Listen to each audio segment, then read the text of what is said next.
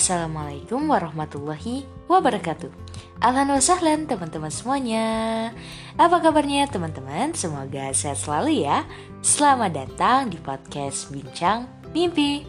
Kali ini kembali lagi di segmen Zakstif Or Za Perspective Di episode kali ini kita bakalan ngebahas marah pada tempatnya.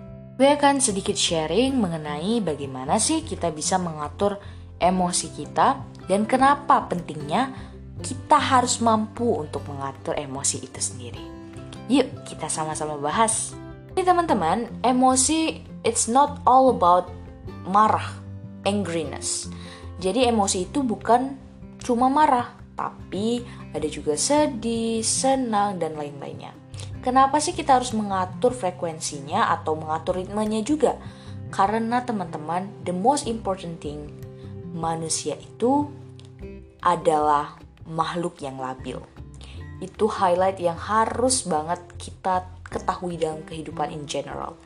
Karena ketika kita tahu kita labil teman-teman ya, kita akan berusaha senantiasa continue pada hal-hal yang kebaikan dan mengetahui peluang-peluang keburukan itu. Dan dengan mengetahui bahwasanya kita makhluk yang labil, ketika kita mendapatkan kesedihan, kesenangan, amarah dan lain sebagainya, kita juga mampu menavigasikan atau mengatur itu semua agar tidak menjadi suatu keburukan untuk kita. Jadi gimana nih cara untuk mengatur emosi gitu sah? Nah, pada kesempatan kali ini gue akan sharing tiga tips. The first tip adalah ketahui bahwa kita bisa nge-manage emosi itu. Menyadari bahwasanya kita punya kapasitas dan kapabilitas dan kita harus punya kapasitas serta kapabilitas itu untuk mengatur emosi kita, teman-teman.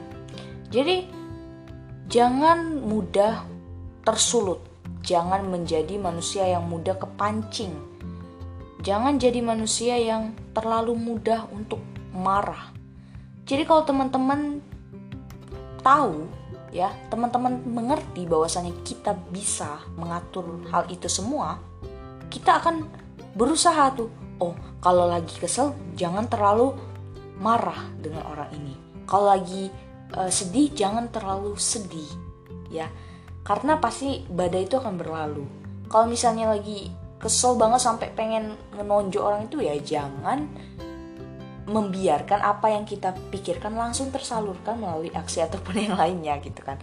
Karena teman-teman wajib mengerti ya kalau misalnya amarah itu juga perlu banget kita takar agar amarah kita itu menjadi lebih dihargai. Jadi jangan sedikit-sedikit marah. Tapi masalah-masalah kecil hal-hal yang bisa termaafkan dan gak perlu emosi jangan libatkan amarah di dalam sana ya. Jangan libatkan amarah di dalam sana selagi bisa untuk tidak melibatkannya karena we know kalau misalnya kita terus-terusan marah atau sedikit-sedikit marah menjadi manusia yang sumbu pendek ya quote in quotes maka ketika kita marah pada hal yang besar itu nggak terlalu dihargai oleh orang lain ya. Orang udah terbiasa melihat kita marah gitu. Jadi ketika kita bisa take it easy why not? Gitu. Dan kita harus wajib menyadari kita bisa untuk melakukan hal-hal semacam itu. Ya tidak mudah marah tidak mudah sakit hati dan lainnya itu semua tuh bisa diatur. Dan kita harus tahu kita bisa mengatur itu. Oke? Tips yang kedua adalah take it easy. Jadi jangan seperti tips yang pertama tadi kita punya kapasitas untuk mengatur. Dan di tips kedua ini gue menekankan bahwasanya ya biarin aja dalam tanda kutip ya. Artinya begini, kalau teman-teman membuat sesuatu itu menjadi lebih mudah dan lebih bisa dikompromikan, maka teman-teman akan jadi lebih tenang. Teman-teman bakalan jadi lebih conscious dengan pilihan teman-teman, lebih sadar. Jadi kalau kita merelakan sesuatu, membuat sesuatu jadi lebih mudah, nggak mudah tersinggung, jadi amarah kita tuh akan berimbas kepada amarah-amar kepada emosi-emosi lain. Seperti kalau teman-teman udah melatih untuk nggak marah terlalu sering atau nggak marah ketika yang benar-benar penting gitu ya, apalagi ketika pelanggaran agama dilakukan. Nah, itu baru kita salurkan kemarahan kita secara oh ini nggak boleh gitu tegas gitu tapi kalau sesuatu yang masih bisa untuk diajak bincang di, masih bisa untuk dikompromikan dan dimaklumi ya kita harus lebih santuy. Take it easy. Jadi frekuensi frekuensinya itu teman-teman wajib berlatih untuk mengaturnya. Karena gue nggak bisa juga kasih tahu patokan oh ini jangan marah hal seperti ini aja. Tak bisa jadi berbeda dengan pandangan atau perspektif di society-nya teman-teman gitu kan? Jadi untuk mengatur dan melatih frekuensi amarah itu kita harus lebih chill memandang sesuatu itu dari sisi yang santuinya dulu ya santuinya dulu. Dan kalau misalnya yang santuinya ini lebih kuat daripada kalau kita benar-benar serius ya udah kita take it easy aja ambil yang santuinya aja. Misalnya teman kita bilang ah kamu nih kok sekarang apa ya uh, pipinya tambah gembul gitu. Lah kalau kita mau ngambil sikap ofensif atau sikap kayak tersinggung banget ya dengan omongan ini dibandingkan nih. Misalnya kita take it easy. Oh mungkin dia udah merasa akrab jadi dia berani bilang gue kayak gitu. Terlepas dari action yang dia lakukan itu benar atau salah ya. Tapi kitanya yang merespon itu loh teman-teman. Karena semua itu harus kita pahami. Di tips yang pertama tadi kita punya control. Dan cara mengontrolnya yang, yang terbaik adalah take it easy oh mungkin dia merasa udah deket. Oh mungkin emang iya dibawa bercandaan aja. Mungkin derajatnya berbeda-beda ya. Mungkin orang udah ada yang tersinggung banget yang kalau dibilang kayak gitu. Nah teman-teman pun juga wajib untuk menjaga perilaku. Jangan semua hal dikomenan dikomenin gitu ya. Jadi kayak komentator aja gitu kan. Padahal itu nggak perlu dikomentarin. Jadi teman-teman wajib banget untuk memfilter untuk memikirkan sebelum melakukan untuk review balik. Kalau gue diperlakukan kayak gitu gue gimana ya? Dan juga jangan cuman diri lo aja. Maksudnya lo juga harus tahu nih orang yang lo ajak bicara ini gimana orangnya. Ya nggak mungkin kita ngomong sama guru nggak sopan misalnya pakai lo gue gitu kan. Ini kan nggak mungkin kan? Itu nggak sopan ya. Tapi kalau sama teman kan ya sopan-sopan aja. So far so good nah kayak gitu juga. Kita harus tahu nih orang yang sedang kita ajak bicara itu gimana mungkin backgroundnya gimana anaknya itu gimana gitu kan. Dan artian apakah dia ini bisa diajak santuy atau orangnya benar-benar strict agamis dia nggak bisa diajak main-main. Itu beda lagi cara penanganannya kan. Tapi kalau misalnya selagi bisa take it easy, ya take it easy aja. Ngapain kita harus payah-payah mengeluarkan emosi kita secara cuma-cuma hanya untuk orang yang kadang nggak menghargai itu kan. Nah, jadi kalau misalnya pengen lebih berharga, maka kita pun juga wajib menghargai orang lain dan gak membuang emosi kita dengan percuma. Kita gitu, teman-teman. Kita lanjut ke tips yang ketiga. Lunakkan hati and stay positive. Artinya gimana? Jadi ini bener-bener menurut gue yang penting banget adalah lo harus memasukkan ya hal-hal yang baik ke dalam diri lo. Jadi menurut gue pribadi apa yang lo hasilkan, perilaku yang lo hasilkan itu adalah bentuk repetitif dari hal-hal sebelumnya yang lo peroleh. Entah itu dari bagaimana value lo selama ini, bagaimana didikan orang tua lo dan sebagainya tapi yang paling penting kita highlight di sini adalah value yang lo pegang atau informasi yang lo dapetin. Jadi bener-bener jangan sampai teman-teman ngebiarin diri terjerumus pada informasi atau mindset-mindset gagal gitu kan. Mindset-mindset yang buruk. Kalau kita terbiasa dengan lingkungan yang ngomong kotor ya, kita bakalan ikut-ikutan ngomong kotor secara sadar ataupun tidak sadar. Entah itu terucapkan ataupun di dalam hati. Jadi memang harus out dari lingkungan seperti itu. Dalam artian bukan nggak boleh berteman dengan orang-orang kayak itu bukan. Tapi ketika kita masih bisa memilih untuk tidak bergabung dengan hal-hal yang berkubang dalam hal-hal yang seperti itu, ya kita harus menyucikan telinga kita, kita harus menyucikan hati kita.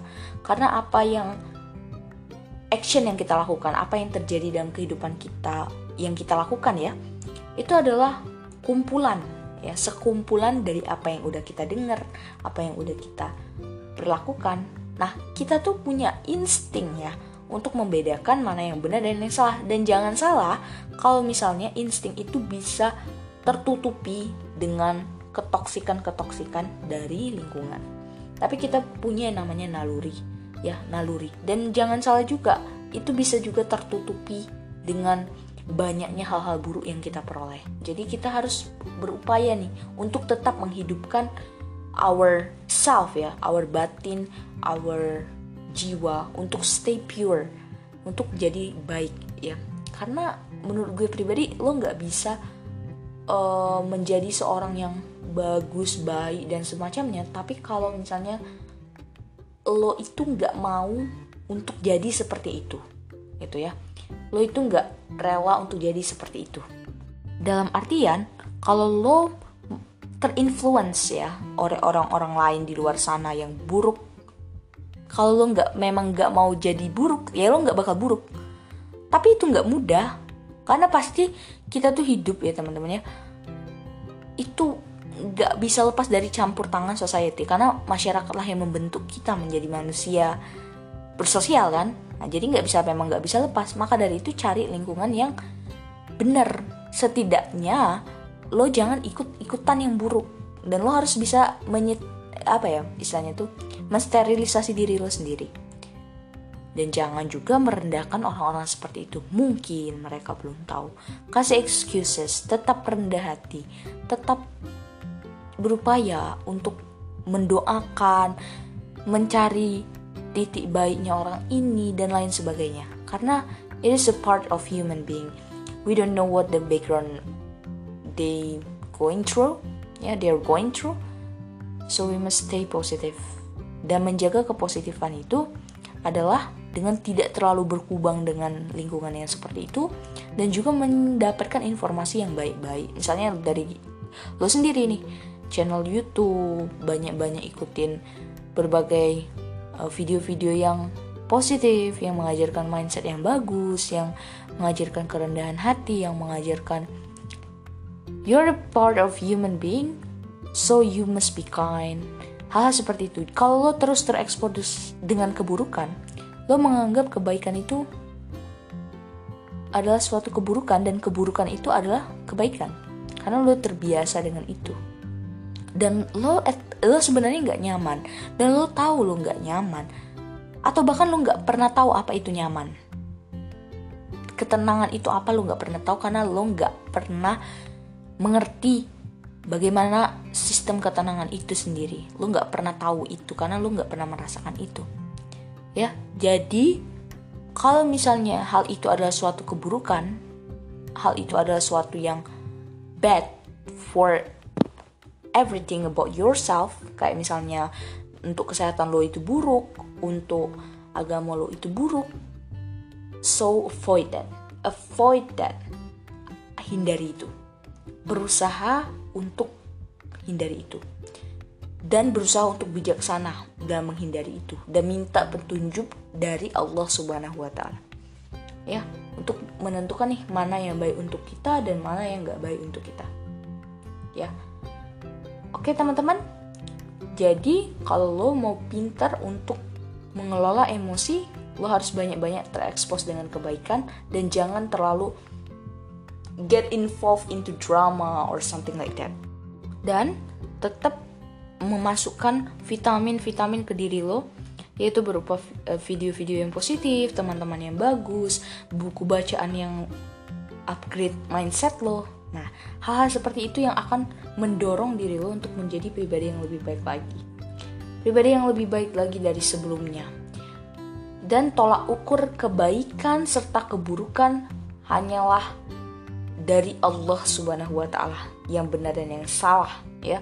Yang wajib kita patuhi karena kita adalah umat muslim dan kita percaya bahwa apa yang Allah katakan adalah suatu kebenaran yang disampaikan melalui rasulnya yang disampaikan melalui kalamnya maka kita wajib untuk mengikuti apa pun yang Allah Subhanahu wa taala katakan kepada kita ya. Ajaran-ajaran Islam kita terapkan memang dalam kehidupan kita agar kita mencapai kemuliaan dan ketenangan jiwa. Ya, Orang mukmin itu pasti mulia, teman-teman. Mulia di sisi Allah dan mulia di sisi makhluk. Kita sebagai mukmin tidak ada tuh yang namanya ngomongnya orang. Tidak ada tuh umat Islam yang seharusnya yang sebenar-benarnya itu ketika orang berbuat salah langsung marah. Itu nggak ada. Ya, karena dia tahu Allah memandang seseorang itu dengan rahman dan Allah memberikan kasih sayang dan menitipkannya dalam hati kita. Dan kita wajib untuk mengetahui bahwasanya rasa kasih sayang itu wajib kita utarakan juga kepada manusia. Wajib kita sebarkan kepada manusia sebagai rahmat dari Allah. Ya kita nggak bisa hidup tanpa kasih sayang dari Allah. Kita nggak bisa hidup tanpa rahmat serta rahman dari Allah subhanahu wa taala. Maka kita wajib untuk menyebarkan serta membagikan. Ya tidak hanya menyebarkan tapi memberi yang disebut dengan membagikan ya karena kalau marah, lo sibuk nangis, emosi lo tuh bakal drain banget, bahkan habis sehabis-habisnya dan lo bakal capek untuk melakukan kebaikan lain atau bahkan lo terhalang dari kebaikan itu. Karena Allah cabut keberkahan, karena lo terlalu emosional, dikit-dikit marah, dikit-dikit marah. Itu nggak bagus banget. Selain dari sisi psikologi, dari sisi agama pun juga Rasulullah Shallallahu Alaihi Wasallam bersabda, La takhdab walakal jannah. Jangan marah maka bagimu surga. Ya. Ingat teman-teman, visi kita visi akhirat. Kita bukan pemuda-pemudi biasa, tapi pemuda-pemudi pengejar ridho Allah. Kita ingin masuk ke dalam surga dan kita harus melayakkan diri, memantaskan diri untuk ke surga. Surga itu bukan tempat main-main, bukan tempat wisata yang lo beli tiket terus lo dapat lo bisa masuk. Enggak. Ya, tiketnya itu adalah tiket emas lebih dari emas unlimited limited edition ya. Tapi Allah berikan unlimited kepada umat muslim. Kenapa? Karena kita adalah makhluk yang Allah kasihi teman-teman. Ingat kasih sayang Allah. Dan kita pun harus melihat orang lain dengan kacamata kasih sayang. Karena itulah yang our prophet Rasulullah Muhammad Sallallahu Alaihi Wasallam ajarkan kepada kita. Kita harus mematuhinya agar hidup kita tenang, aman, sejahtera. Barakallahu fikum. Wassalamualaikum warahmatullahi wabarakatuh. Diterapkan ya teman-teman.